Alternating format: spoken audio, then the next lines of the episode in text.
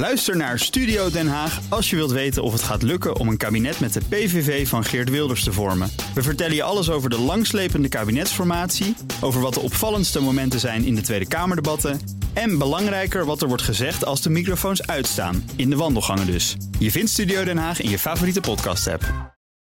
Dit is de Oekraïne Ochtend Update. Mijn naam is Geert-Jan Haan. En ik ben Bernard Hammelburg. We praten hierbij over de laatste ontwikkelingen in Oekraïne. En de gevolgen voor en de reacties van de buitenwereld. Je vindt deze podcast in je favoriete podcast-app.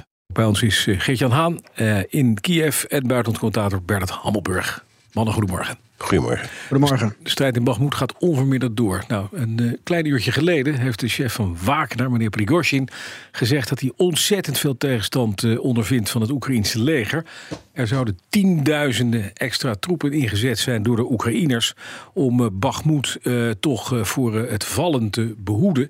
En hij zegt, ja, er wordt geweldig hard gevochten door uh, Oekraïners op dit moment uh, om ons van een overwinning af te houden. En hij klaagt ook weer over het feit dat hij weinig ammunitie krijgt. Nou hebben we de afgelopen dagen, Bernard, geconstateerd dat heel langzaam die Russen bezig zijn om Bakhmut in te nemen. Een zwaar tegenoffensief, daar lijkt dit op, als we de woorden van Prigozhin mogen geloven, van de Oekraïners. Ja, en, en uh, je kunt zeggen, Zelensky houdt vast aan een soort doctrine die inmiddels over deze strijd is ontstaan. Mm -hmm. Namelijk, we, we, beseffen dat we weinig kans hebben om te winnen. Maar we zullen de Russen zoveel mogelijk schade toebrengen. En wat Prigozhin zegt is in feite een bevestiging ja. van, wat, uh, van dat beleid. Zeker. Uh, het gaat ook ten koste van vreselijk veel Oekraïners en materieel. Dus het is, het is, het, ja, het is een bijna bizarre manier van vechten, zou ik zeggen. Tja. Vooral als je weet hoe het uiteindelijk gaat aflopen. Ja, jij bracht een bezoek aan de belangrijkste veiligheidsadviseur van Zelensky, meneer Oleksiy Danilov, om daar te praten over die, die strijd rond Bakhmut, hè? Ja, onder andere. Um, en hij zegt daarover, nou ja, ik zal eerst zeggen wat ik aan hem vroeg. Um, ik vroeg hem gisteren van ja, gaat het Oekraïense leger zich daar nou terugtrekken of niet? En zijn antwoord was in eerste instantie diplomatiek. Hij zei: Ja, daar gaat het leger over. Hij gaat ja. over de grootste veiligheidsvraagstukken van het land. En niet over wat het leger precies doet. Maar dan start het retorische trucje. Uh, dan zegt hij dus: van ja, iemand anders gaat erover. Uh, maar ik wil wel zeggen dat. Nou, en wat zegt hij dan? Там дійсно складно, і наші воїни роблять там велику роботу, тому що кожного дня десятками, сотнями нищим тих терористів, які як таргани повзуть на нашу територію. Ja, en wat zegt hij dan? Nou, hij zegt: Ik wil wel zeggen dat dit wel een positie is waar onze strijdkrachten honderden terroristen per dag omleggen. die als kakkerlakken ons land zijn binnengekropen. Kortom, het belang van Bakhmut is momenteel zoveel mogelijk Russen bezighouden en uitschakelen. zodat ze niet elders aan het front inzetbaar zijn. Ja, dat is een strategie inderdaad. Uh die leidt tot ontzettend veel doden. Ook aan eigen kant, Bernard. Is dat, is dat te begrijpen? Dan, dan is het inderdaad een soort prestigestrijd aan het worden voor Zelensky. Nou, ik, ik, ja, prestige vind ik een moeilijk ja. uh, onderwerp. Omdat het gaat volgens mij niet om de eer. Nee. Het, het gaat over Zelensky's overtuiging dat dit strategisch een enorm belangrijk moment is. Mhm. En dat hij dus, uh, ja, weliswaar uh, het waarschijnlijk niet haalt, maar dan zoveel terroristen heeft weten te doden, dat dat toch uh, uh, voordeel heeft. En je, je weet, er is een, een dispuut over met uh, president Biden, ja. die steeds adviseert van hou er nou mee op man, en gebruik je mensen en je materieel om te hergroeperen en te beginnen aan een eigen voorjaarsoffensief. Um, maar daar luistert Zelensky niet naar. En ja, uh, wat dat betreft uh, heeft Danilov natuurlijk wel gelijk. Dat, in, dat, dat, is in de eerste plaats een, een, uh, ja, een, een, een, beslissing van het Oekraïense leger. Ja, ja, met diezelfde Danilov sprak je ook over een aantal andere zaken, uh, Geert-Jan. Ja. Hij is de plaatsvervangend voorzitter van de Nationale Defensie- en Veiligheidsraad hè, van de Oekraïne. Dus ja, eigenlijk de, de man die naast Zelensky staat. Ja. Wat heb je nog meer besproken met hem? Zal ik jullie heel kort even meenemen naar het gebouw? Want hoe kom je in oorlogstijd in het gebouw van de, van de Veiligheidsraad uit? Mm-hmm. Um, je moet eerst langs een checkpoint. Het is in het centrum van Kiev. Uh, paspoort ja. laten zien. En dan kom je op een soort militair terrein, maar dan Sovjet-stijl. Dus niet een kazerne zoals we in Nederland kennen, maar allemaal van die oude gebouwen. Het zijn allemaal blokken. Um, je ziet alleen niet goed waar je in moet, want er hangen allemaal camouflagenetten dus over mm-hmm. dat gebouw van die Veiligheidsraad heen. Dan ga je naar binnen, nog een keer paspoort, tassen controleren. Want ja, je gaat toch met de belangrijkste man op het gebied van veiligheid praten. Nou, Ja. dan mag je plaatsnemen in een prachtige vergaderzaal. En dan vooral hopen dat het doorgaat. Als er een eh, urgente crisis is, gaat de veiligheid van het land voor BNR. Eh, was ik het niet mee eens, zei ik ook. Eh, maar uiteindelijk eh, moest ik een half uur wachten, omdat Danilov vrij zenuwachtig met Zelensky aan het bellen was eh, over een aantal crises. Eh, maar uiteindelijk had hij dus nog een half uurtje tijd voor mij. En toen ging het dus ook over ehm, ja, die raketbarrage hè, op bijvoorbeeld Kiev. Eh, Ja. Daar wordt al twee weken over gerept. Eh, ik zei tegen Danilov, voor mijn gevoel is het al twee weken rustig hier sinds ik in Oekraïne ben. Eh, maar daar is hij het dan niet mee eens. En dan begint hij een reeks Oekraïnse regio's op te sommen. У нас були обстріли Хмельницького, у нас були обстріли Харкова, Дніпропетровська, Одеса і інших регіонів. Це не значить, що у нас немає е, втрат е, саме за ці два тижні. Ja, Danilov zegt dat jij in Kiev niks meemaakt. Betekent dat je geluk hebt. Want in Khmelnytsky, Dnipro, Odessa, Kharkiv hebben ze dat geluk niet. Vannacht in Zaporizhia een flatgebouw geraakt met doden. Waarschijnlijk meer doden dan we nu ook eh, weten. Ja. Maar dat is natuurlijk ons perspectief, Bas. We hebben ons wekenlang op Kiev gefocust. Ik zit daar nu ook natuurlijk. Maar het gaat hier niet om de veiligheid van één stad, maar van het hele land. En dat is nu helemaal het grootste land van Europa. Het is je dan niet voor te stellen dat er op, op, op duizend kilometer afstand wel iets gebeurt. Ja, ja, precies. Wat zegt hij, wat zegt hij trouwens over het andere? Want eh, eh, het front, hè, wat de gemoederen sterk bezighoudt. eh, hij zegt dat andere plekken worden ook belaagd. Er zouden ook vermeende sabotageacties zijn van het Oekraïense leger in Mariupol.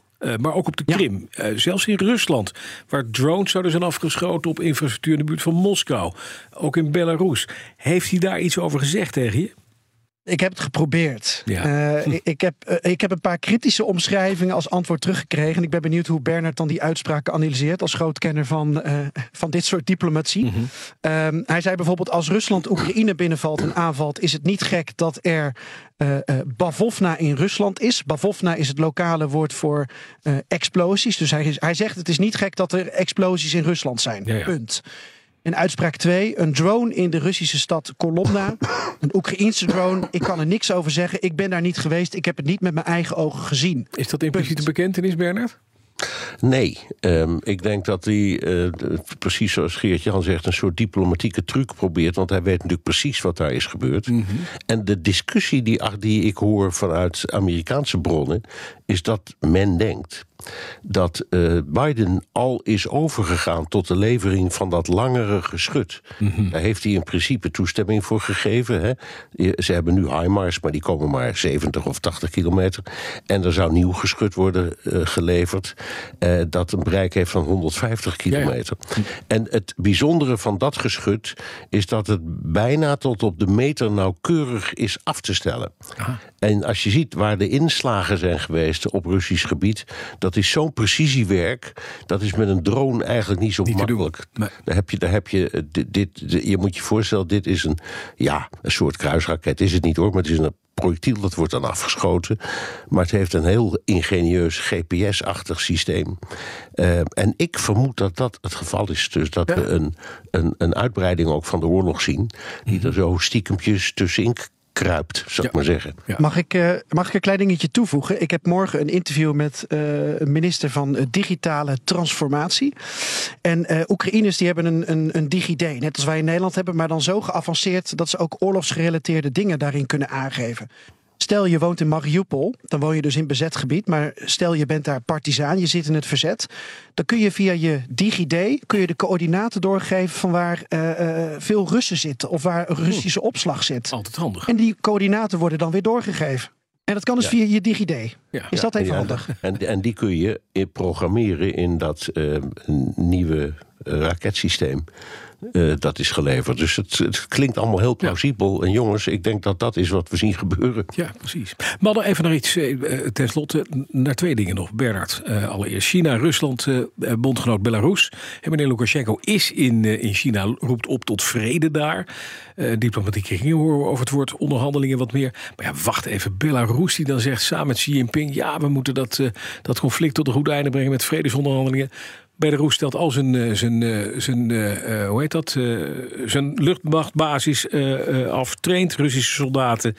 Ja, dit is allemaal voor de bühne dus. Nou, ik denk ook dat het te maken heeft met uh, de, de, positie van uh, uh, Lukashenko. Want die zit echt een beetje klem. Um, die is pro-Russisch. Die, die wil ook door Rusland overeind gehouden worden. En heeft een uitstekende relatie met Poetin. Maar aan alles zie je steeds dat hij, ja, als hij mee moet doen, dan doet hij wel dingen. En als er aanvallen vanuit zijn land plaatsvinden, dan moet dat maar. Maar eigenlijk wil hij dat zelf liever allemaal niet. Hij vindt het gevaarlijk en uh, ook, ook niet. Dus, dus hij, het is een beetje. Ja, hij zit tussen twee vuren. Um, en de Chinezen begrijpen dat, want die hebben een vergelijkbare positie. Die zeggen: uh, Rusland heeft het volste recht om uh, zich te verzetten tegen het oprukken van de NAVO, maar niet tot het bezetten van een soeverein land. Dus um, dat ze samen die oproep op doen, heeft toch iets politiek betekenends. Ja. Ik wil nog even naar iets anders, Bernard, wat net binnenkomt. Het Amerikaanse congres heeft bepaald dat ze 620 miljoen aan uh, dollar aan wapens gaan leveren aan Taiwan. Op het moment dat meneer uh, uh, Lukashenko in, in, in China is. En Blinken zegt, ja, China kent de consequenties van het geven van dodelijke hulp. Daar, duidt het op, op mogelijk aan Rusland dingen geven. Maar de Amerikanen nu met een grote wapendonatie aan Taiwan. Gaat dat ellende opleveren? Um, dat is een, een goede. Het is over 650 miljoen, is overigens niet zo ongelooflijk veel. Nee, maar, maar, maar, ze leveren continu en veel wapens. Er zitten ook Amerikaanse soldaten daar. Ja. Kijk, wat, wat in Amerika zeer speelt, is de, het, het, idee van deze oorlog in Oekraïne, die is vroeg of laat afgelopen, ja. of die bevriest. En dan kunnen we er niet zo verschrikkelijk veel meer, veel meer mee. Wat ze echt vrezen is een conflict met, conflict met China ja. over Taiwan. Ja. En in China worden daar steeds toespelingen op gemaakt. Dus ik denk dat uh, Amerika heeft, het heeft in feite niks met elkaar te maken. Nee. Dat Amerika nu duidelijk maakt aan China van wacht even, wij weten precies wat jullie nu proberen, waar je mee bezig bent, waar je je op voorbereidt. Wij ook. Dus kom maar op. Dat is een beetje, denk ik, wat er gebeurt.